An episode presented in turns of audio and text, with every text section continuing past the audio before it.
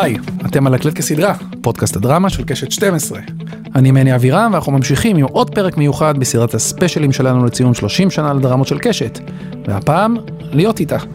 הקומדיה הרומנטית שיצר אסי עזר, הביאה את סיפור אהבתם של עמוס דהרי ונועה הולנדר, הלוא הם אביב אלוש ורותם סלע. עלתה בנובמבר 2013 והמשיכה לשתי עונות נוספות, האחרונה שבהן שודרה באוקטובר 2021. ממוצע הרייטינג של העונה הראשונה היה, שימו לב, 30.4 ופה איתי אסי עזר. היי אסי, קשה להאמין, אבל עברו כמעט עשר שנים מאז שהסדרה עלתה. כן, כן. ותחשוב על הזמן שחלף ומה שקרה בעשור האחרון. כן, זה, זה ממש משוגע שהסדרה הזאת נמרחה כמעט על שלוש עונות בשמונה שנים. היא עלתה ב-2013, בנובמבר 2013 היא עלתה. אני התחלתי לעבוד ב-2011, אז, אז אני מבחינתי זה יותר מעשור. אני התחלתי לעבוד עליה כשזה היה על בר ב-2011, סיימנו ב-2012, ואז כתבתי עוד פעם חצי שנה, שמונה חודשים, ואז צילמנו ועלה. אז איך נולדה להיות איתה?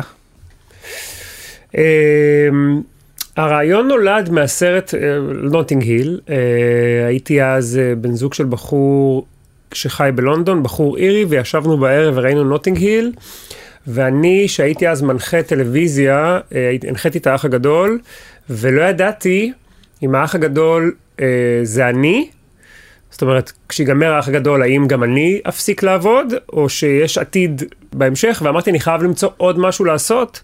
כדי שיהיה לי עוד פרנסה, וגם כדי להוכיח לקשת שיש לי עוד מה לתת. למה? ולפני זה לא היה לך אספירציות uh, תסריטאיות? לא. פתאום זה היה כזה...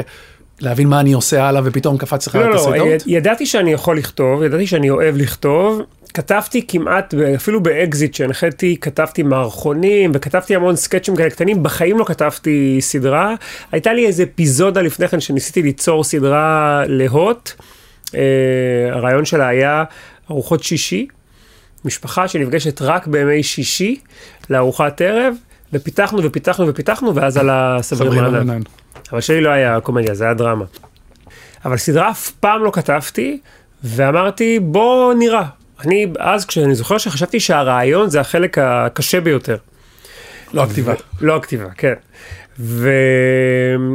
ראיתי את זה ואמרתי וואו זה רעיון מגניב אני אלך למכור את זה אני אציע את זה לקשת וביקשתי פגישה עם uh, רן טלה מי שהיה אז uh, סמנכ"ל התוכניות והוא אמר לי זה רעיון טוב אבל צריך פה שם גדול לבחורה הזאת כאילו מי מי תהיה הג'וליה רוברט שלנו. עוד קודם הוא אמר צריך שם גדול עוד הוא לא אמר אוקיי, אתה רוצה לכתוב את זה? אתה תכתוב את זה? רן תלם, אני חייב להגיד שהוא, אחת התכונות המדהימות של הבוס שלי לשעבר, היא שהוא קודם כל מאמין בך. אז ככה, הוא קודם כל האמין שאני יודע לכתוב ושאני יכול לכתוב, ועכשיו רק צריך אופרטיבית שיהיה לזה בסיס אדמה מספיק חזקה כדי שיהיה אפשר גם להגיד יאללה צדק כתיבה. אז uh, ישבנו במשרד והוא אמר לי מי תהיה הג'וליה רוברטס ואני אמרתי יש רק אופציה אחת כי בזמנו בר רפאלי הייתה באמת הנועה קירל של היום. והייתם ידידים כבר אז? לא. לא. ראיינתי אותה רק בגיא פינס, רעיונות לא קלים, כי לראיין אותה כשהיא יוצאת עם ליאו זה היה תמיד חוויה מאוד uh, מורכבת, היא, היא, היה לה אנטי לתקשורת, בצדק אגב, כי היינו תמיד מציקים לה. ואמרתי, אני, הוא אמר לי תיפגש איתה, ואם היא רוצה, יש לנו את זה. ונפגשתי עם אימא שלה uh, בבית קפה, uh, מאחורי קשת, והיא אמרה לי, אנחנו בעניין, יאללה, בהצלחה. וככה זה היה. נשמע קל מדי. הרגע הזה היה קל, כי באמת זה קרה נורא נורא מהר, אבל אז קשת ביקשו שאני אוכיח את כישורי הכתיבה שלי, והם ביקשו שאני אעשה להם מסמך פיתוח. ואני מעולם לא עשיתי, לא ידעתי מה זה מסמך פיתוח, וביקשתי מרון לשם, שהיה סמנכ"ל התוכניות לפני רן, שיעזור לי, כי רון הוא תסריטאי על אה, וגאון, והוא גם היה חבר יקר. והוא אמר לי, יאללה, תכתוב את כל מה שאתה מכיר על הסדרה, את כל מה שמתחשק לך לכתוב, וכתבתי מסמך פיתוח של 120 אה, עמודים. שיש לי אותו בבית, נילנתי אותו והבאתי את זה לקשת, שכלל את כל העלילות שאני מדמיין בתוך הראש שלי, והיום אני יודע שמסמך פיתוח כזה בדרך כלל שבעה עמודים, שמונה עמודים, עשרה עמודים, אני כתבתי 120 עמודים, ורן תלם המסכן ישב וקרא את כולם, והגיב לי על כל עמוד ועמוד, זה היה מטורף. והוא אמר לי, אוקיי, הבנתי, הוא העיר לי הערה קטנה, אני, אני, אני ממש זוכר את זה. העלילה, אחת העלילות הייתה שיש בעיות כלכליות במאפייה, והוא אמר לי, זאת לא הסדרה הזאת. אל תעשה בעיות כלכליות במאפייה, זו סדרה שאמורה להיות fun, תשכיח מהצופה את, ה, את הצרות של היום יום שיש לנו, תן לו רק פנטזיה. וזה מה שעשיתי, והוא אמר לי תכתוב פרק, ואני ורון אה, ישבנו אה, לפתח, וכתבתי פרק לבד, והגשתי לרון את הפרק, זה היה פרק של 70 עמודים. כמה זמן לקח לך לכתוב? אני לא זוכר כמה זמן לקח לי לכתוב, אני רק, תראה, אפילו לא ידעתי כמה זמן, כאילו, כמה, מה כן, אורך פרק? כתבתי 70 עמודים, לא ידעתי כאילו חוקים בסיסיים. אה, למדתי קורסים בתסריטאות כאלה, ידעתי מבנה של סצנה וזה, אבל לא הבנתי כלום, אתה יודע איך הפרק הראשון שאני כתבתי נגמר? בפגישה של עמוס ונועה. ואז השנייה האחרונה היא כשהדלת נפתחת והוא רואה אותה והיא רואה אותו. ורון המקסים באמת, אה, שנתן לי משוב מאוד עדין, אמר לי, זה כתוב מעולה, ואתה מצחיק, ואתה, ואתה יודע לכתוב, רק מה, הפגישה צריכה לקרות בשבע דקות הראשונות. ואז כתבתי פרק מחדש. אה, וזה עבד. ואז ביקשו עוד שלושה. ובסוף ביקשו, ביקשו עונה שלמה. זה מדהים הדבר הזה, כי אתה יודע, באת בלי ניסיון, היית טאלנט של קשת אז, לא קשור לעולם נכון. התסריטאות, ואתה כותב את הדבר הזה, ואומרים לך, יאללה, תביא עוד שלושה, ובגדול זה פנטזיה לא רק בסדרה, אלא פנטזיה במציאות, חלומו של כל כן. תסריטאי.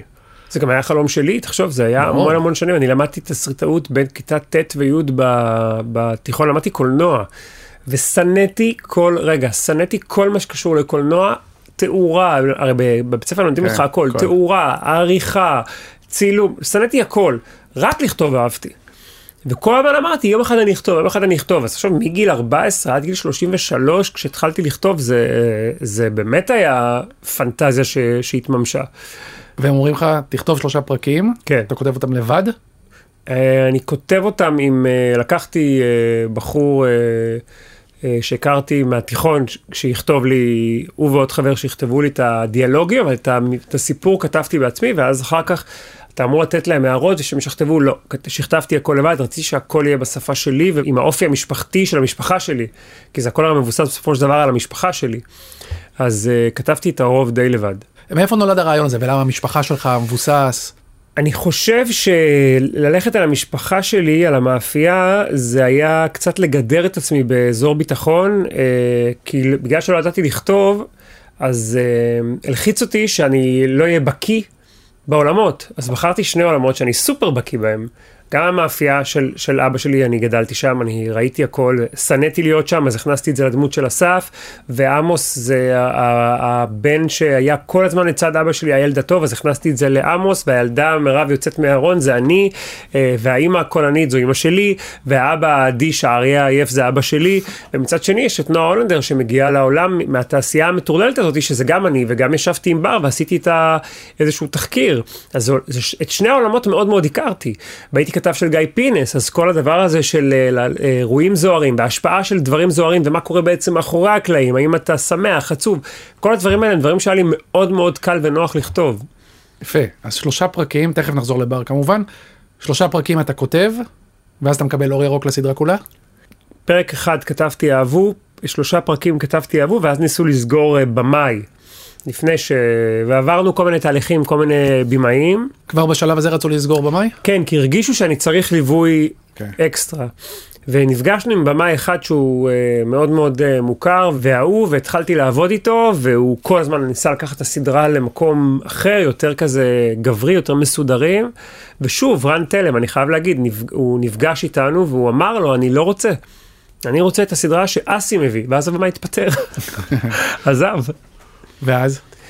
אה, ואז כתבתי לבד. הוא אמר לי, ציין לכתוב, וסיימתי לכתוב. רק הפרק האחרון נשאר כזה חצי פתוח, ואז כבר גייסנו את אה, רסקין, עודד. את עודד רסקין הגאון, שבהתחלה אמר לא, אני לא רוצה לכתוב קומדיות רומנטיות, אני לא מבין בזה, ואז הוא, אה, אמרתי לו, רק תקרא את הפרקים, תקרא. ו- ורון לשם המליץ לי עליו. והוא קרא את הפרקים, והוא אמר לי, אני, אני מוכן לביים שני פרקים, כמו שעושים בחו"ל.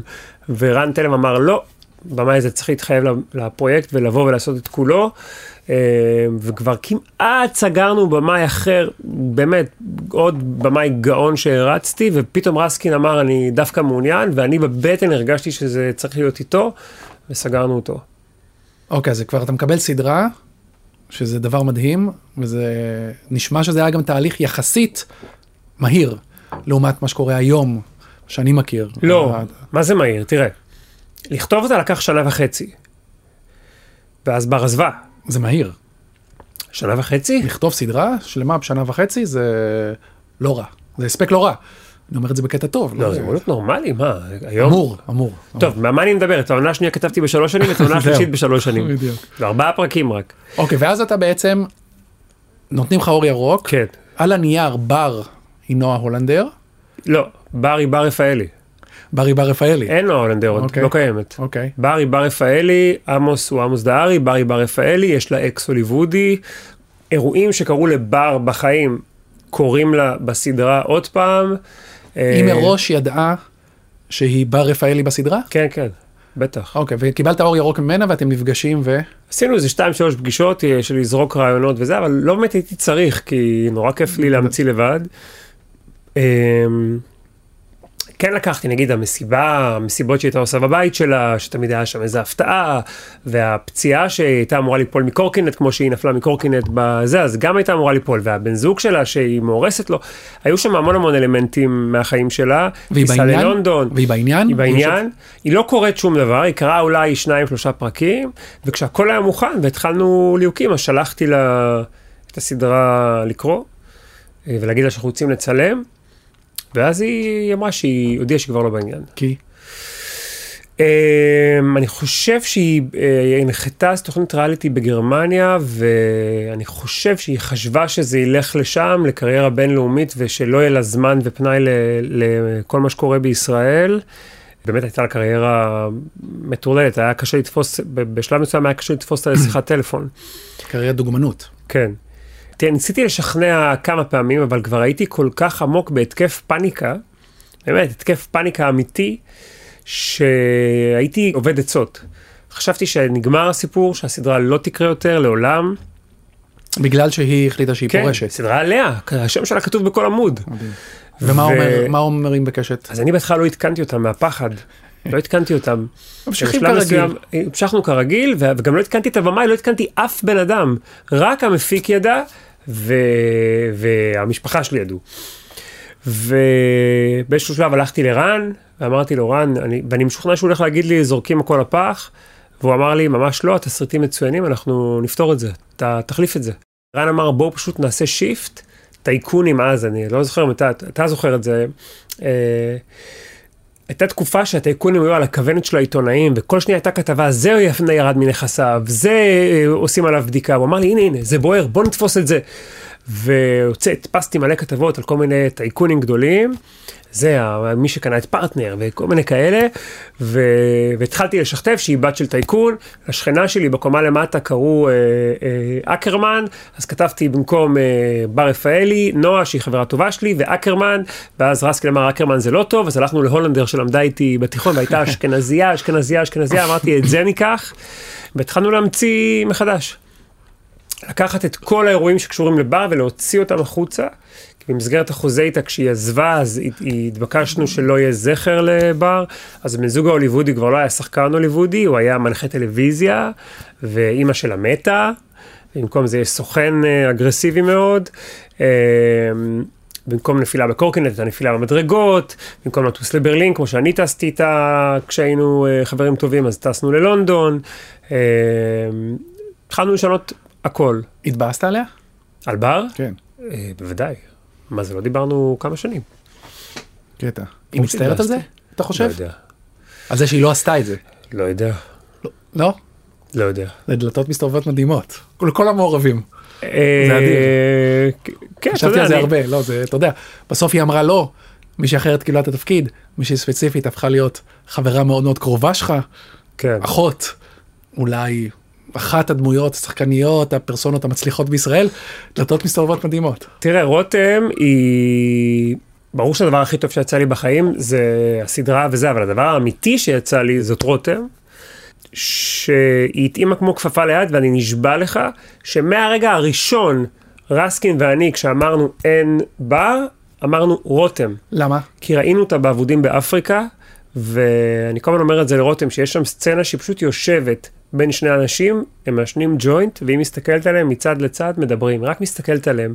וא', המבט שלה מהפנט, שנינו יודעים את זה, וב', היא פשוט הצליחה להעביר במבט שלה את הסאבטקסט של מה שהיא מרגישה.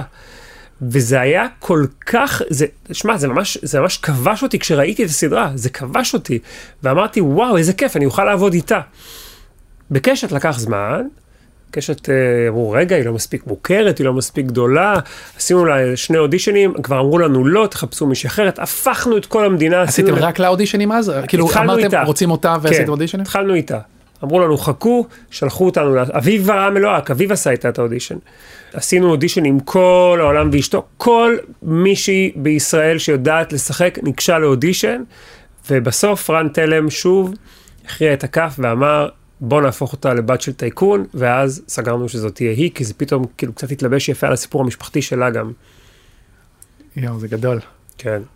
זה ממש יפה. ואז בעצם, זהו, אתם יוצאים לאיזה דרך משותפת מאוד ארוכה, גם על זה תכף נדבר. אז יש לך את אביב ויש לך את רותם. הכל היה סגור. גם כל שאר השחקנים? כל השחקנים, הילה. בעצם נשאר לך רק הדמות הראשית של הסדרה נשארה לך פתוחה וכולם היו סגורים? כמעט, היינו צריכים לעשות התאמות, נגיד נאוה מדינה היה מאוד קשה למצוא את האימא התימניה, אין... נאוה מדינה היא בעצם מלכה עזר. כן, אבל תימניה. Okay. אוקיי. כי אמא שלי לא תימניה. אבל uh, רציתי משפחה תימנית אמיתית, וכל הזמן לא הצליחו למצוא תימניה שיכולה להביא את הדמות. ובאיזשהו שלב, מאחורי גבי, התחילו ללהק שחקניות מרוקאיות. מאחורי גבי. ממש, עשו אודישנים מאחורי גבי לכל השחקניות המרוקאיות המאוד מוכשרות שיש במדינה הזאת, ואני ראיתי את זה וזה הכעיס אותי, כי אני, אני לא רוצה לספר סיפור של משפחה מרוקאית, ואישה מרוקאית ואישה תימניה, אלה שתי נשים שונות, ואני רציתי את התימניה. ואז אה, חנה אזולאי אספריה המקסימה המליצה לנו על מישהי שהיא עבדה איתה בתיאטרון, על נאוה מדינה, ונאוה עשתה אודישן, ופופ, בשנייה וחצי הבנו שיש לנו את זה. ונאוה מדינה היא אחת השחקניות האהובות עליי בעולם. כל סצנה איתה הייתה מבחינתי, אה, א', החזירה אותי הביתה, וב', היא פשוט הפכה את התסריט לפי 800 יותר מצחיק. והשאר? כולם הם שחקנים מצוינים, היא הייתה הכי אה, רף, היא הייתה עם הכי פחות ניסיון, היא לא עשתה טלוויזיה בחיים שלה. כל השאר באו ו... תראה, הם כולם באמת, הם, הם חבורת שחקנים, אני זכיתי ממש בענק. הם כולם היו בול למה שהסדרות הייתה צריכה. אבל אני באופן אישי, שאני גם מאוד מאוד קרוב לאימא שלי, הדבר הזה של ה... של האימא והיציאה מהארון של מירב, שהיא תופסת שם תפקיד מאוד מאוד קשה, וזה... אני ממש התאהבתי בה. היא יודעת את זה, אגב. גם נתתי לה עכשיו תפקיד בסדרה שלי מתוקים, כן, אני, כל סדרה שאני אעשה, אני חושב שאני אקח את נאוה. ומלכה, מה חשבה על נאוה? ההורים שלי היו מאוד מאוד גאים, הם גם מופיעים בסדרה, יש להם סצנות קטנות, זה היה נורא מצחיק לראות את המפגש. תראה, אפילו כשצילמנו את זה, לא הבנתי את גודל המתנה שאני בעצם כאילו מעניק למשפחה שלנו, כי כל המשפחה שלנו מלא מלא דברים שקרו לנו, בסדרה. בסדרה, על השולחן. נגיד הדבר הזה שבעונה 2 בלנקה ואסף מגיעים לארוחת ערב והם מביאים, מכינים גספצ'ו. והמשפחה צוחקת שזה רסק עגבניות. זה קרה לאלברט המסכן שלי. זה ממש קרה לו, המסכן הכין גספצ'ו, מתוק, השקיע, וכולם נקראו מצחוק שהם אוכלים רסק עגבניות, כי אנחנו, כאילו, מה, מה גספצ'ו עכשיו? אז מלא מלא דברים מהחיים שלנו היו שם בפנים. את אבא שלך אני מכיר טיפה, מה הוא חשב על... Uh... אבא שלי היה מאוד מאוד גאה, מה זה אורי גבריאל משחק, מגלם אותו, זה הגיבור שלו ממתחת לאף מגלם אותו, הוא לא האמין. גדול. כן. והילה סעדה, ועופר חיון, נכון. והכל היה אודישנים שבסוף ידעת שזה האנשים שלך? לא. הילה מסכנה עשתה לדעתי ארבעה חמישה אודישנים, ותודה לאל אה, ש, שבסוף הביאו אותה, כי היא כמובן היא ונסה ואף אחת אחרת לא יכלה להיות ונסה, היא הפיחה, הדמות של ונסה כמו שהייתה כתובה, הייתה כתובה לא טוב. אני יכול להגיד את זה, היא הייתה כתובה באופן מאוד מאוד קומי, וזהו. הילה הכניסה לה את הדרמה. הילה הכניסה לה את הרגש. עם הילה, אתה... אני גיליתי תוך כדי, והייתי משכתב לפעמים על הסט, טקסטים, שכמה הדמות הזאת היא לא רק אמורה, היא לא רק האתנחתה הקומית בסדרה, כמה היא, כמה היא כאובה. הבחורה היפה והמצליחה בישראל לקחה לה את הבן זוג, זה, זה גם יוצר המון כאב, זה לא רק, וגם ונסה בהתחלה הייתה דמות מאוד קטנה. היא הלכה וגדלה ככל ש... בגלל שהילה הייתה כבר מלוהקת מבעוד מועד, ידעתי כבר על מה אני כותב. אז היא הלכה וגדלה ככל שהבנתי יותר מה הילה הולכת להביא לזה. מה יש לך להגיד על הליהוק של אביב? אביב זה היה קל, אה, ברגע שהוא נכנס, בכלל לא היה מה... לדעתי ראינו הכי פחות אבי, אה, עמוסים. ראינו אולי ארבעה, חמישה, ברגע שהוא נכנס, אמרתי להם, עזבו, אין פה... אין מה לדבר, הוא בול, הוא כמו כפפה. ואז בעצם הכל מוכן, יוצאים לצילומים. היית על הסט כל הזמן? כל יום, כל הזמן? כל הזמן.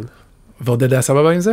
אז אני לפני הצילומים אמרתי לרסקין, אני רוצה להגיע לסט. הוא אמר לי, אחלה, אחלה, תגיע. ואני זוכר שביום הראשון שהגעתי, הרגשתי שיש איזה, יש משהו ב vibe לא טוב. שכולם מסתכלים עליי והם לא, הם לא מרוצים. וניגשתי ואמרתי לו, מה קורה פה? אז הוא אמר לי, תשמע, תסריטאים לא מגיעים לסט בדרך כלל.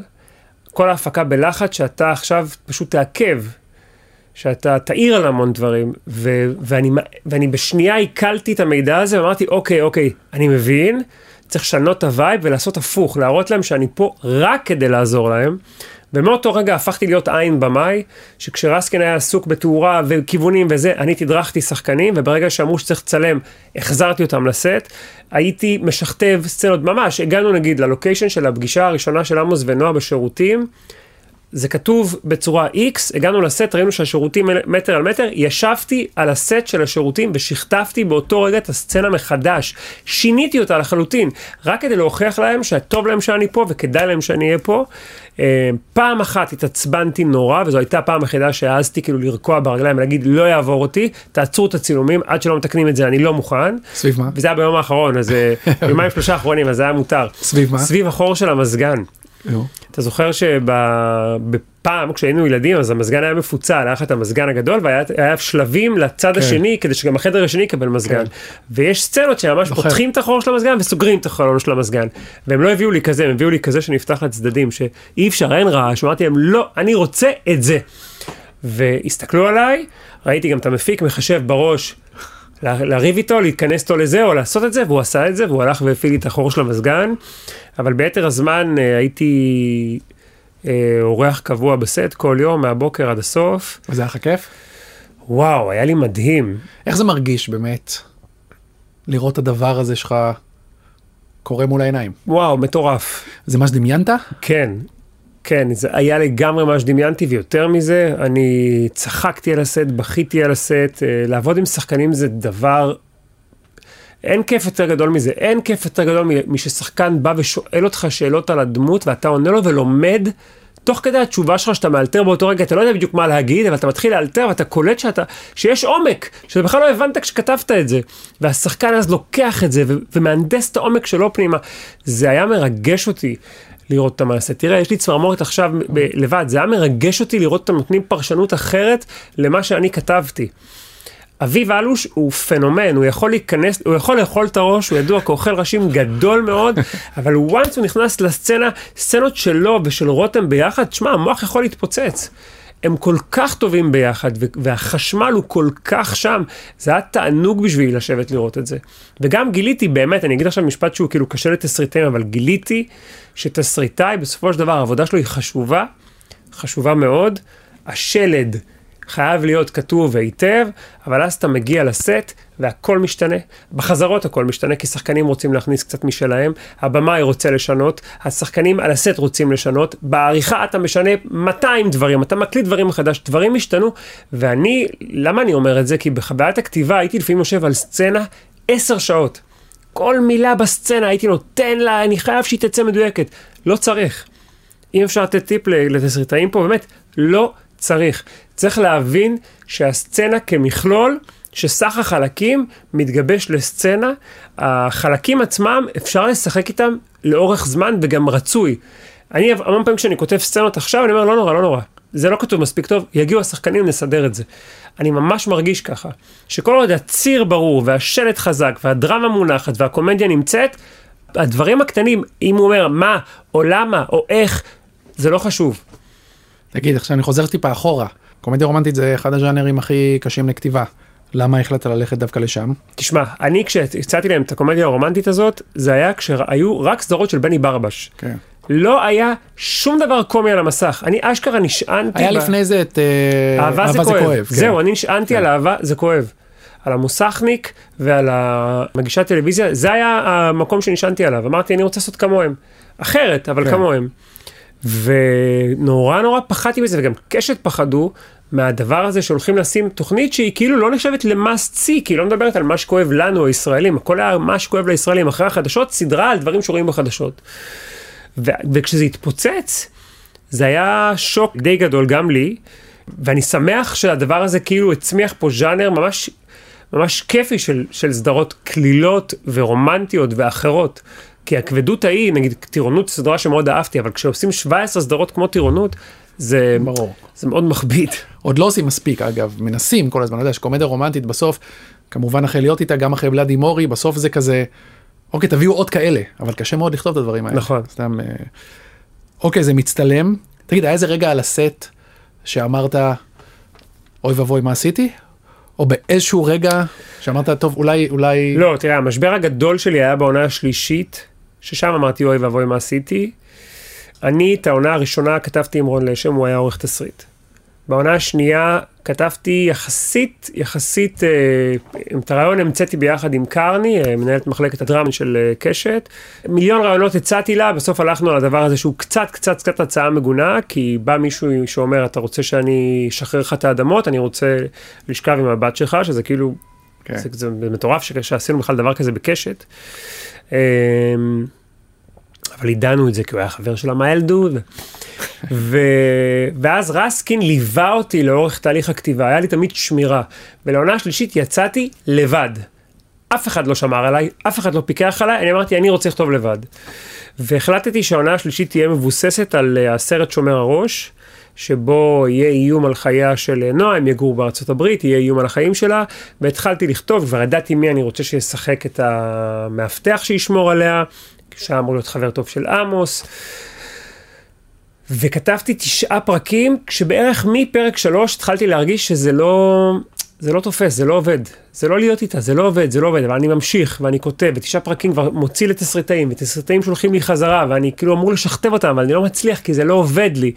ואני טס לארצות הברית, ואני משכתב, וכבר גייסנו במאי, וגייסנו, הוצאנו המון מהכסף של ההפקה, 600 אלף שקל כבר יצאו לענייני הפקה, ליהוק, whatever, ליהקנו שחקנים.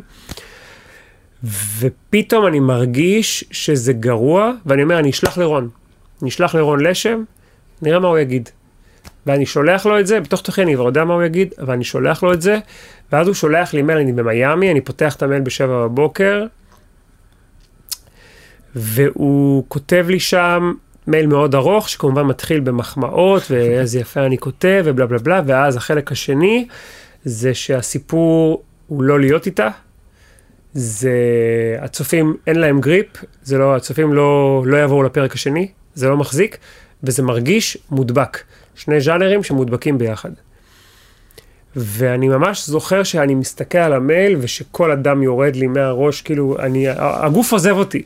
כי יש תשעה פרקים כבר מוכנים, יש תאריך צילום. שנייה, וקשת בלופ כל הזמן מלווים את הכתיבה של התשעה פרקים? מלווים את הכתיבה, קראו רק שלושה, אני שומר מהם את השאר, אוקיי. השלושה הראשונים באמת טובים, אבל הם לא להיות איתה, הם סדרה אחרת, הם בשבילה גיבורים עפים. אוקיי. ואני כמעט, אני חושב שאני באופן מוגזם ובעיניי עם התקפי חרדה, אני כמעט מתעלף, ואני מעיר את בעלי ואני אומר לו משהו לא בסדר, וכעבור שלוש שעות אני מתקשר לקרני, ואני אומר לה, קרני, אני, אני לא רוצה את העונה הזאת, היא לא טובה. ואני לא במצב טוב, ואני צריך שתעזרי לי. והיא באמת האישה המדהימה הזאת, שהיא... לא רק שיש לה עין מדהימה לתוכן ולדרמה, היא קודם כל בן אדם, באמת, תראה, יש לי דמעות רק מהתשובה שלה, היא הייתה כל כך יפה, היא אמרה לי, אז הסדרה, סוב אותה, תשכח ממנה, רק תהיה בסדר. ככה הסתיימה השיחה. ואבן נגולה מהליבי, ו- וחזרתי לארץ, וקיבלתי החלטה שאני לא כותב יותר. שהחוויה הזאת הייתה לי כל כך קשה, תחשוב, היו צריכים להודיע לבמאי שאין לו עבודה. כן. המלהקת סוגרת, השחקנים בוטלו. זה היה נורא. זה היה כמו סגירה של, של עסק, זה היה נורא. חלק מהשחקנים לא גילו דרכי והם כועסים עליי כאילו עד היום שלא אני סיפרתי להם. ולא כתבתי שום דבר במשך שנה וחצי עד שהגיעה הקורונה. ואז? ואז צריך להגיד תודה ל... למשה אדרי, כי משה אדרי פנה אלינו שנכתוב סרט על להיות איתה. ואמרתי, סרט, זה רק שעה וחצי, זה לא עשרה פרקים, אולי אני יכול. וישבתי בנטפליקס והתחלתי לזבזב לראות איזה קומדיות רומנטיות יש שהביאו לי השראה, ונפלתי על ג'וליה רוברט שוב, עם החתונה של החבר שלי, ואמרתי, זה. וכתבתי ביחד עם דני דיסיס, שגם כתבה איתי בעונה השנייה, וגם ליוותה אותי uh, בעונה השלישית. שלחתי לה את זה, אמרה לי, וואי, זה רעיון מעולה, תכתוב משהו ואני אעזור לך ואני אהיה עורך התסריט שלך, ועשיתי את זה. ואז שלחתי לקרני, וקרני אמרה לי, תשמע, זה כל כך טוב, למה סרט? בוא נעשה עונה. ואז אמרתי, אני לא כותב עונה של עשרה פרקים, אז אמרה לי, אז ארבעה. וככה נולדה העונה הזאת של הארבעה פרקים. יפה. כן. שם יעל אלקנה הייתה גם. יעל אלקנה הייתה, יעל אלקנה אה, הייתה תפקיד הנשי שאיתו אביו אה, מתחתן, ורועי גולדשמיט שבכלל היה מאמן שלי, והאחראי בנינג'ה על הזה, אבל כן. הדמות שלו, של האיש שיכול לעמוד על יד אחת על שולחן, כל כך הדליק אותי שאמרתי, אני חייב להכניס את זה לסדרה. אה, וזהו, ונוצרה סדרה שהיא בעצם הייתה, תראה, העונה הראשונה הייתה חצי שעה כל פרק. העונה השנייה הייתה 40 דקות כל פרק, וגם העונה השלישית 40-45. אז נולד סרט באורך של אה. 200, אה, 40, 200, כמה זה? 4 כפול, 160 דקות, אתה תחשב. 160. חזרה לעונה, ארוך. חזרה לעונה הראשונה, מסתיימים הצילומים, שאלתי על הנוכחות שלך בצילומים, הנוכחות שלך בחדר עריכה, האיכות שלי בחדר עריכה הייתה, אני, תראה, אני לא יודע, כי עוד פעם, זה מה שראיתי וזה מה שעשיתי, אני לא יודע מה קורה אצל אנשים אחרים, אבל אני לא הגעתי לחדר עריכה כל עוד הפרק לא עמד. הבנתי. לחלוטין. אחרי שהוא עמד, באתי ונתתי לרסקין את ההערות שלי. אני חייב להגיד שרסקין הוא, הוא במאי כל כך טוב וכל כך פתוח ו- ונטול אגו בכל מה שקשור להערות שלי. הוא הלך איתי עם כל מה... הוא כל הזמן אמר לי, אתה מבין בקומדיה? מאיפה אני מבין בקומדיה? כאילו, אני אולי מצחיק קצת, אבל אני לא, אני לא יודע אם אני מבין בקומדיה. והוא כל הזמן רצה את ה vision שלי ואת התמונה שלי לתוך זה, אבל כש... ו- ו- והוא נתן לי ללוות אותו לאורך כל הדרך. הוא ידע לשים את הרגל כשהוא אמר, פה אתה טועה, נגיד בהילה סעדה, הוא אמר לי, פה אתה טועה, אנחנו סוגרים אותה. אה, ותודה לאל שהוא עשה את זה. אבל בעריכה הוא ממש נתן לי לבוא ולהיות שותף פעיל אה, אה, להערות לפני שנותנים לקשת לראות. והסכמתם, היו, היו אי הבנות או אי הסכמות או רבתם על משהו או ש... לא, לא, אני, אני ורסקין רבנו פעם אחת בלבד, פעם אחת, לאורך כל השלוש עונות, ביום צילומים האחרון של העונה הראשונה. בעונה הזאת אני ואביב לא הסתדרנו כל כך, אני ואביב אלוש. אה, הוא היה, הוא נורא פחד ממי זה הבחור הזה שהוא כזה רופס. ונותן לבחורה הזאת לכפכף אותו מכל הכיוונים, והוא הוא לא, הוא גר עם ההורים, והוא לא מספיק טוב. הוא כל הזמן היה אומר לי, מה זה, מה זה, מה זה האיש הזה, מה זה, למה, אני, הוא פחד לצאת כאילו משהו שהוא לא ה, ה, ה, הגיבור הישראלי שרואים בסדרו בדרך כלל, המצ'ואיסט, החזק, הזה, פה זה דמות של בן אדם שהוא אשכרה נגרר אחרי בת זוג תשע שנים, ואז נגרר על ידי בחורה מאוד מאוד מפורסמת שבהתחלה מתייחס אליו נורא ואיום. וכל הזמן היו לנו טאקלים על זה שהוא רצה לעשות את עמוס X ואני רציתי Y. רבנו על איך הוא מנשק, על איך עמוס מנשק. כי אביב אלוש רצה שעמוס ינשק כמו גבר, ואני רציתי שכשמנשקים כוכבת הוליוודית גדולה כמו האישה הזאת, מנשקים אותה בעדינות, ולא כמו גבר ישראלי. אפילו על זה התווכחתי איתו. מי ניצח? אני. אה, פה. במקומות אחרים הוא ניצח. אבל רסקין ואני היינו מאוד מאוחדים בדבר הזה. של עמוס הוא צריך להיות כמו שאני רואה אותו. וביום הצילומים האחרון ישבתי בסט והיה כתוב בתסריט שנועה יושבת ליד החלון ומסתכלת החוצה ופתאום היא מחייכת וצילמנו את הסצנה שהיא יושבת ליד החלון וסצנה אחר כך, הסצנה האחרונה שהיא באמת מסתכלת, אני אלך רגע אחורה. היא הרי אומרת לעמוס בסוף הפרק האחרון, בוא כנס, הוא לא רוצה, הוא אומר לה, "אה, אני לא רוצה לראות אותך יותר, סוגרת עליו את החלון ונוסעת. היא ישבה ליד החלון. סצנה אחר כך רואים משהו אחר, ואז חוזרים אליה, ופתאום היא באמצע. ואמרתי לו, מה זה? היא לא יכולה לשבת באמצע, לפני שנייה ישבה ליד החלון. הוא אמר לי, אסי, זה פשוט שוט שהצטלם נורא נורא יפה, כי אני אכנס פנימה, אני, אני, אני אצא מהחברות שלה אליה, ואז היא תחייך, ואז הסוף. ו, ואמרתי לו, אני לא רוצה. זה לא, זה לא אמין, אין continuity.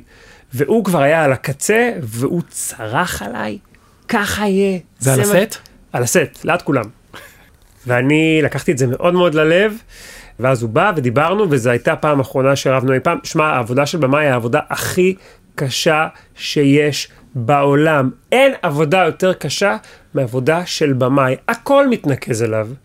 אז ברגע הזה כנראה לא הייתי מספיק אה, רגיש אליו, אבל חוץ מזה, אני באמת באמת באמת אומר, זכיתי בבמאי הטוב ביותר בישראל, באמת, אני באמת מאמין בזה, ולא סתם הוא מצליח היום בכל העולם ומצלם סדרות ביפן, בכורדיסטן, ואני לא יודע איפה, הוא פשוט מדהים. הפרק הראשון, הרף קאט, או טיפה יותר, מוכן, ומתחיל להסתובב. מה אתה מרגיש כלפיו? אני שומע רק דברים טובים, המון המון דברים טובים, בכלל אני מרגיש שהסדרה הולכת להיות כאילו הצלחה היסטרית, כי כל מי שרואה את זה, אה, בעיקר מה, מהצד הנשי בבניין, הרי תמיד כשיש כן. פרק מוכן שולחים לכל אה, המחלקות בבניין לצפות. ואני שומע המון המון דברים טובים. אני שומע שזה טוב, ואני משוכנע שזה יעלה וזה יהיה הצלחה מסחררת. אתה, משוכ... אתה משוכנע שזה יעלה? אני משוכנע בזה שזה okay. אוקיי. יצליח, כי אני באמת חושב שהמוצר אין בך, מצוין. אין בך, אתה, אין, אין בך פחד. יש בי פחד, אבל אני מאמין במוצר. יפה. ו... ואז הוא עולה, והוא לא מצליח. למה הוא לא מצליח? הוא לא מתפוצץ. הוא עושה לדעתי הרייטינג של הפרק הראשון בזמנו. 22 וחצי. נכון. וזה אחרי שהסדרה פומפמה מאוד, הוא עושה 22 וחצי, והוא משודר... שנייה, אתה זוכר את הבוקר של ה... כן. ש... של ה... בעצם של הפרמיירה? אני זוכר את הבוקר לאוויר? של העלייה לאוויר. כן. שאמרתי לעצמי, מה? על זה, על זה שרפתי שלוש שנים, תחשוב על 22 וחצי, זה כאילו היה אסון, כי אז כל התוכניות הכי גדולות עשו 28, 29, 30, 31, ו, והייתי, וגם אמרו לי, לא, ניחמו אותי, לא נורא, לא נורא, זה יעלה, זה יעלה, זה לא עלה, זה רק ירד, זה הלך וירד וירד וירד, ואני כבר אמרתי, אני לא רוצה לכתוב יותר אם ככה זה, אם ככה זה עובד, כי אתה יורק דם ובסוף לא רוצים לראות, שלא יראו. ו... ופתאום זה התפוצץ. כן, באיזה, באיזה רגע? זה התפוצץ ברגע מאוד ספציפי. קודם כל העבירו אותנו, לא, קודם כל היה את הארוחת ערב של ונסה, שהיא מתפרצת לארוחת ערב של נועה ועמוס וצועקת שם, אל, תקרא, אל תגיד לי ונסה. וזה קרה כשהעבירו אותנו לאחרי מאסטר שף. הבנתי. זאת אומרת, כבר הרימו עלינו קצת ידיים, אמרו, אתם לא מחזיקים פריים טיים, נעביר אתכם לאחרי, תחשוב, שידרו אותנו בעשר וחצי בלילה, הסדרה התחילה.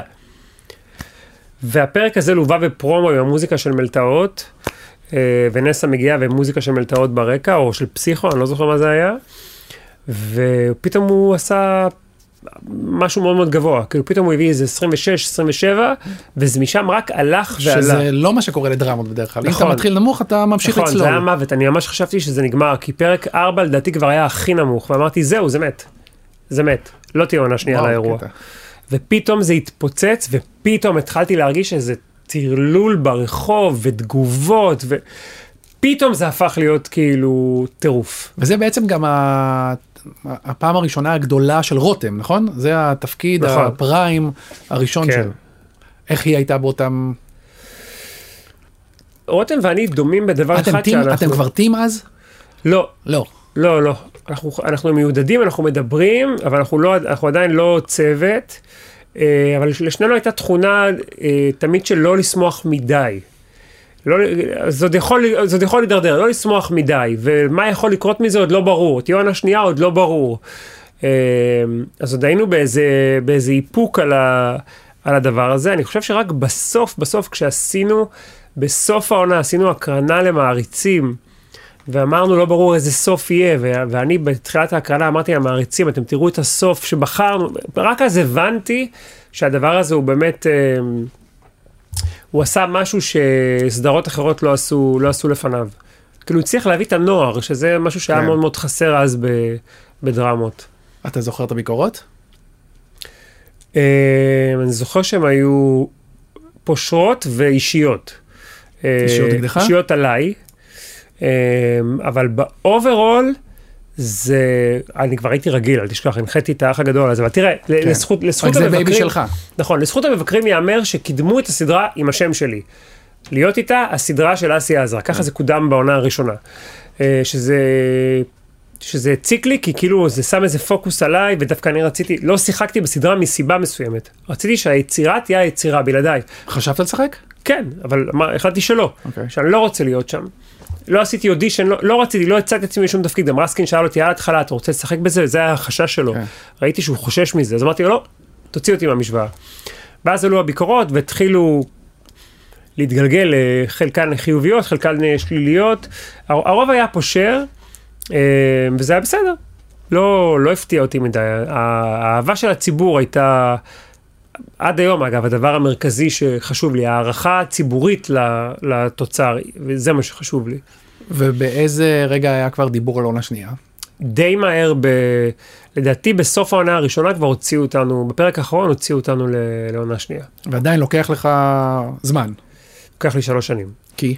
כי אני מנחה שלוש תוכניות בשנה באותה תקופה, גם את uh, האח הגדול, גם את הכוכב הבא, גם את uh, שלוש היה שם, עשיתי הרבה דברים במקביל, הנחיתי את uh, בואו נדבר על זה, עשיתי המון המון עבודה כמנחה, פרזנטור, וצריך לכתוב סדרה, וזה היה מאוד קשה, כי הסיפור היה סגור. התחילו את העונה בנפרד, סיימו את העונה ביחד, מה עושים עכשיו? איזה עלילה ממציאים לזוג הזה שהיא, שהיא לא תהיה עלילה צפויה? לא היה לך בשלב שהתחלת לכתוב גם את העונה הראשונה וגם בהמשך רעיון לעונה שנייה? לא. לא היה לך. לא היה לי. אה, הרעיון לעונה השנייה הגיע לי אה, בסופו של דבר, אחרי שהחלטתי לעשות משהו שהוא כאילו לא... אני החלטתי שאני רוצה להתעסק בבגידות. כי אני התאהבתי אז בבעלי, באלברט, היינו כבר זוג כמה שנים, ואמרתי, כאילו, מה, עכשיו כל החיים זה יהיה ככה? כל החיים זה יהיה רק אני והוא? זה עובד הדבר הזה? בוא נבדוק. ומשם זה, זה התחיל לזרום. וקרני נורא נורא פחדה, כי בסופו של דבר אביו, עמוס, הוא בוגד בנועה שם, ונועה כן. בוגדת בו. אה, או נוקמת בו אחרי שהם נפרדים. והיא אמרה לי, הצופים ישנאו אותם, הצופים ישנאו אותם. אז... אה, אז אה, בסוף הלכנו על זה. תראה, כן, כן התקפלתי שם, כי... הוא כן בגד בה, בתסריט, ואז בסוף עשינו פוסט צינק של עמוס שהוא מקליט שהוא אומר עצרתי את זה, אבל לא ראינו את זה, אבל התקפלתי קצת, כאילו רואים אותו מתחרמן איתה עם חזייה ותחתונים, והפרק הבא הוא אומר לצביקה לא קרה כלום עצרתי את זה. אבל סליחה אתה היית בחזייה ותחתונים, נשמע, היא הייתה, הייתה חצי ערומה. היית שם. זה כבר בגידה. במהלך הכתיבה, עוד אנשים רואים, אתה משתף סביבה? אני משתף את uh, רותם, רותם הופכת להיות uh, כמעט בכל דבר בחיים שלי. באיזה שלב אתה משתף את רותם? בעונה השנייה. בעונה השנייה. כל מה שאני כותב אני מראה לה. היא, היא, היא, היא כמעט בכל דבר בחיים, אני משתף אותה בהכל, היא מייעצת לי, היא ממש uh, שותפה שלי כמעט לכל החלטה, ואני נותן לה לקרוא, ואני נותן לרון לשם קצת uh, לקרוא, ואני נותן לרסקין לקרוא, אבל הליווי המרכזי הוא של קרני ו- ורסקין. ככה אתה עובד תמיד? אני שואל אם אתה, אם יש לך פידבקים חיצוניים, אם אתה, אני חייב. מעניין אותך מה הסביבה חייב, אומרת. חייב, חייב, חייב. אם אתה מתערער מזה או... או אני זה... מתערער מזה עד שאני מתכנס. זאת אומרת, יש רגע שאני אומר, אוקיי, הבנתי, עכשיו תנו לי לעבוד. אה, כי אני, אני גם יודע פחות או יותר, נגיד דנה אידיסיס היא מישהי שאני בוודאות יודע שאם אני שולח לה משהו, אני אקבל את מה שאני צריך כדי להצליח. יש אנשים אחרים ששלחתי להם דברים שהם סירסו אותי, הם גרמו לי לא לרצות לכתוב יותר, אז הפסקתי לשלוח להם. כן, ברור. Uh, קרני, כל מה שאני שולח, אני, אני מרגיש שהיא לא תיתן לי את הביקורת הקשה שאני צריך, כי היא תמיד כאילו רואה את החיובי, כן. אז אני צריך שיהיה קשוח איתי. אז דנה היא בן אדם כזה, רותם היא בן אדם כזה, רסקין הוא בן אדם כזה. אה, גידי רף, אני שולח לו המון פעמים דברים שיקרא, לך אני שולח המון פעמים דברים שתקרא. אה, ואז אנשים בדרך כלל נותנים לי שאלות, והשאלות זה הפידבק ש, שאני צריך. מתי צפית בפעם האחרונה? בעונה הראשונה. בלהיות איתה? כן. מתי צפיתי בלהיות? המון זמן, בעונה הראשונה המון זמן לא צפיתי. וכשראית אותה, מה זה מעורר בך? תראה, זה מצחיק, כי כשאני רואה אותה היום, אני לא מאמין שאני כתבתי את זה. כי? כי זה לא נתפס לי. זה לא, זה, אני לא זוכר, אני, זה מנותק ממני כבר. כאילו אני רואה את זה ואני אומר, מה? זה שלי? זה, זה, זה מצחיק אותי ומרגש אותי, כאילו זה לא שלי. כאילו אין לי איזה, אני לא צופה בזה עם מודעות, אני צופה בזה כמו צופה חיצוני, שנהנה מזה. והטוויסטים מגניבים אותי, אני כאילו שוכח אותם ונזכר בהם. הסדרה הזאת היא, ברגע שצילמתי אותה והיא יצאה לי מהידיים, היא באמת יצאה לי מהידיים. אני פתאום רואה אותה, אני לא רואה את הפאקים, אני לא רואה פדיחות, אני רואה סדרה כמו שאני רואה כל סדרה אחרת. זה לא כמו שבפרמיירה נגיד אני רועד מפחד, כי אני אומר מה יגידו, מה יגידו. עכשיו כשאני רואה אותה, אני רואה אותה נקי. אתה מדבר הרבה על התקפי חרדה שהתמודדת איתם ועדיין מתמודד. זה התחיל סביב להיות איתה? אז אני אסביר. בן אדם שלא יודע לכתוב, תסריטאות זה לא סתם מקצוע שלומדים אותו כמה שנים טובות, יש סיבה. כשאתה לומד תסריטאות אתה לומד איך לכתוב, אתה לומד איך לכתוב בריא. תסריטאות היא תהליך מובנה מאוד מאוד מדויק, והדידקטיות שלו היא קריטית לתהליך הכתיבה. כי אני, שלא ידעתי איך לכתוב, לא הגדרתי לעצמי נגיד מרחב עבודה. של ש... מ-9 עד 12. אני אכתוב, ובשאר הזמן אני רק אתן למוח לחשוב ולנתח דברים בלי שאני כותב. הייתי יכול לשבת על המחשב מ-8 בבוקר עד 12 בלילה. הייתי יכול לקום ב-12 בלילה ולהגיד, רגע, רגע, הבנתי, עכשיו הבנתי, ולרוץ לכתוב. הייתי יכול להיתקע כשמשהו לא עובד, לשבת מול המסך ולבהות בו שעות, ולקבל החלטות גרועות במצב הזה. הייתי יכול להתקשר לאסקן ולהגיד לו, אין, זה לא עובד, כשאני בשיא של התחתית שלי. כתיבה שהיא כתיבה בריאה, היא כתיבה שבה אתה יודע מתי אתה כותב, יודע איפה אתה כותב, מקיף את עצמך באנשים שתמיד יעזרו לך וייתנו לך את הפידבק הנכון והמדויק שאתה צריך. אני היום יודע על עצמי שאני לא יכול לכתוב לבד, אני תמיד חייב פידבק, אני תמיד חייב לשחק פינג פונג עם מישהו, כי אחרת המוח שלי משחק פינג פונג עם עצמו, ואז אני מתחיל להסתבך. והדבר הכי חשוב הוא שגיליתי, שאתה כותב הכי טוב כשאתה לא כותב. אני, כשאני נותן לחומר שלי לנוח, ואני עוזב אותו, אתה לא יודע, אתה לא יודע באיזה חדווה אני קם היום מהמחשב. אני מפסיק לכתוב, אני אומר, לא הלך לי, זה יבוא להיות חצי שעה במקלחת. והרעיונות הכי טובים באמת, זה לא קלישאה, הם באים במקלחת. אז אם אפשר באמת לתת טיפ למי שכותב היום, זה לגדר את העבודה שלך, זאת עבודה. עזבו את האומנות, המשפטים האלה של השראה באה לי בשתיים בלילה ולכן אני קם בשתיים בלילה. לא. תמצאו את השעות הנורמליות שבהן אתם עובדים, ואת השעות שבהן אתם נחים, כי הכתיבה האמיתית קורית במנוחה. וגם הלבד הזה, שהוא כל כך אופייני בישראל, שלא קורה בעולם, כי בעולם יש חדרי כותבים מפה הודעה חדשה, הלכתוב לבד הזה, הוא הקללה הגדולה שלנו, כי אז אנחנו באמת מבלים שעות על גבי שעות עם עצמנו בחדר, וזאת לא חוויה נעימה, לא חוויה כיפית. אני אף פעם לא רוצה לשבת בחדר לבד כשאני מנסה לכתוב, אני תמיד רוצה מישהו לידי.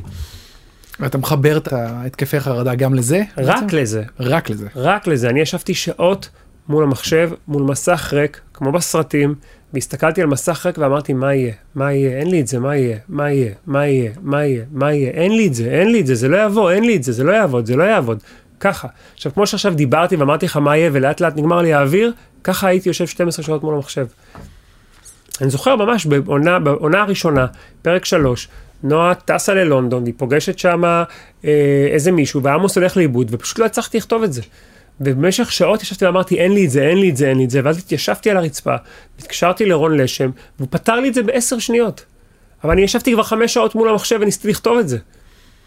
זה גמר אותי. לא עושה את זה יותר, אני מקווה. עכשיו שכתבת את מתוקים של סדרת אה, נוער חדשה כן. שלך, שעולה עוד מעט, נכון? נכון. אז איך כתבת?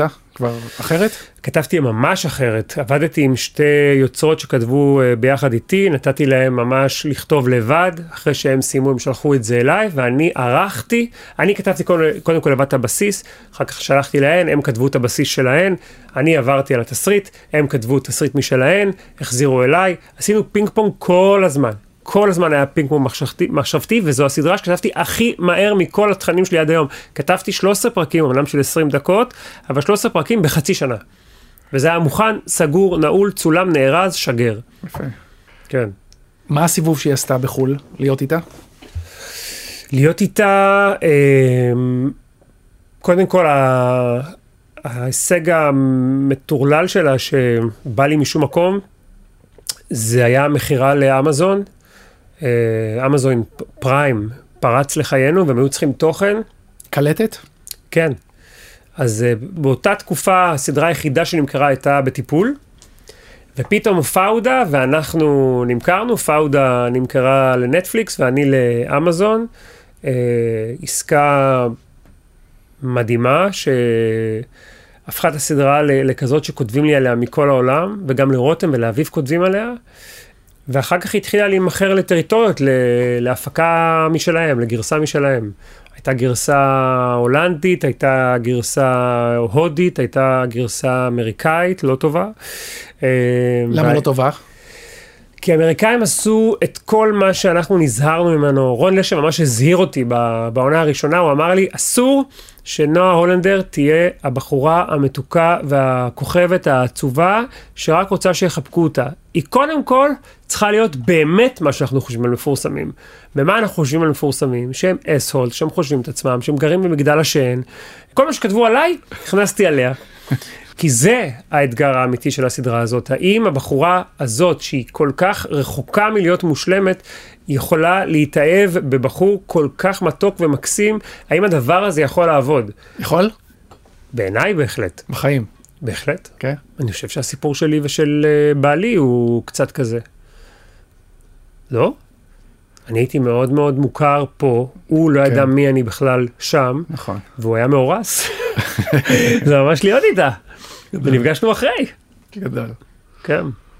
אז האמריקאי לא... האמריקאי עשו בדיוק הפוך, היא הייתה על הפרק הראשון, הבחורה הכי חמודה בעולם. האמריקאים גם ממש התרחקו כמו מאש מהעניין ה... הפער התרבותי וה... והשד העדתי, כן. שאצלי היה מאוד מאוד נוכח, הם מיד ליהקו מישהי שהיא לטינית, כשהמשפחה היא קולומביאנית. הם, אז זה, מיד אז הפער העדתי, כן. אין, מת. ואצלנו הפער העדתי היה לו חלק משמעותי מאוד מאוד בסדרה. משמעותי. אתה יודע שפעם אה, אחד הכותבים של עדי אשכנזי, אני לא זוכר מי זה, עצר אותי וכעס עליי ברחוב, אמר לי, למה אתה עושה את המשפחה שלי, הוא היה מזרחי, למה אתה עושה אותם כל כך אה, גסי רוח וצעקניים? אז אמרתי לו, כי זו המשפחה שלי. כי ככה אנחנו.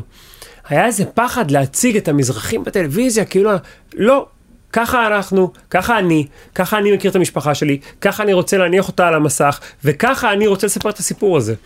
זה, זה ממש היה משהו ש, שעמדתי מאחוריו ואני גאה בו, ובעיניי הוא היה אחד הצירים הכי מחברים את הצופה הישראלי לסדרה, ואת זה האמריקאים לא עשו, וחבל. הכותב, היוצר של הסדרה האמריקאי לא היה בחור שהייתה לו לא מאפייה והוא לא היה כוכב מספיק גדול, הוא אהב את הסיפור והוא ניסה לכתוב אותו ככזה, אבל אז אתה יודע בארצות הברית זה עובד אחרת. הנטוורק התערבה ועשתה מיליון מיליון שינויים והערות והסדרה פשוט יצאה סדרה אה, מקסימה, אך לא להיות איתה. תגיד, מה הנקסט שלך בעולם. הדרמות מבוגרים?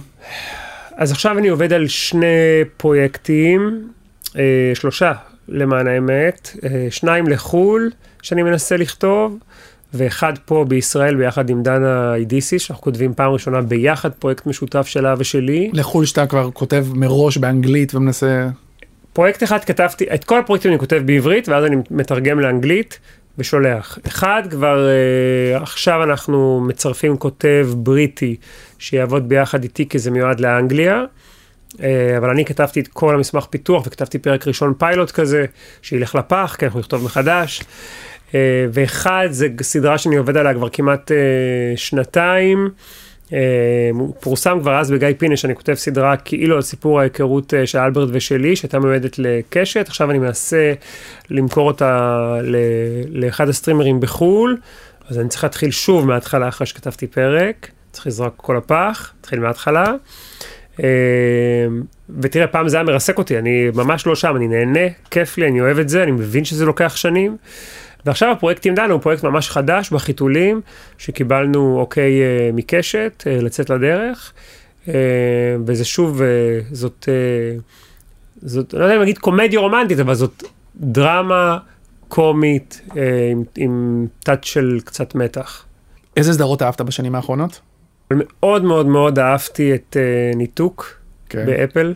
היא בית ספר לתסריטאות בעיניי. הסוף שלה, של העונה הראשונה, הוא אחד הקליפהנגרים המדהימים שראיתי. תראה, אני נזכר בזה ויש לי ממש צמרמורת, יש לי עוד שנייה דמעות מזה, זה ממש, אני ראיתי אותו פעמיים, את הפרק האחרון אמרתי, לא, לא, לא, לא, אני צריך לראות את זה שוב. וישבתי לראות את זה שוב, ויצרתי קשר עם המפיק של הסדרה, שאני רוצה שהוא ישקול לקנות את הסדרה שלי מרוב שהתלהבתי. אה, ענה לך? כן, כן, כן, נפגשנו, עשינו שיחות, כן. אה, ראיתי את שרינקינג באפל, ראיתי את אה, פלטוניק, שמאוד מאוד אהבתי. כן? סדרות ישראליות? לא מה אני. רואה? אה, לא עכשיו דווקא, אם אם משהו אהבת, אהבתי מאוד בלאדי מורי, מן הסתם. מן הסתם. לא, גם כי זה, כותבים, ש- אה, כותבת את זה ה- ה- ה- בדודה. בדודה של דנה אידיסיס, שהיא כן. כישרון כמו דנה אידיסיס, אז ההומור שלה הוא כמובן ההומור שלי. משחקות שם רותם ונעמי שהם באמת, להעיף את המוח. אהבתי מאוד את הפונדקאית. עם רותם. אני רואה כל דבר שרותם עושה. זה, זה לא פייר. אה, אהבתי המפקדת מאוד. ראיתי פאודה, שאהבתי. שאלה אחרונה, נתת איזה שני טיפים, אבל סכם את הטיפים ליוצרים צעירים. תסריטאים, תסריטאיות שרוצים בעצם להתחיל. שוב, הסיפור שלך הוא טיפה שונה, כי הוא באמת גם סיפור סינדרלה מגניב כזה. באת, נתנו לך צ'אנס, לא, אני אגיד לך את האמת. אני לא חושב שהוא סיפור סינדרלה באמת, כי אני חושב שהגעתי מאוד מאוד מאוד מוכן.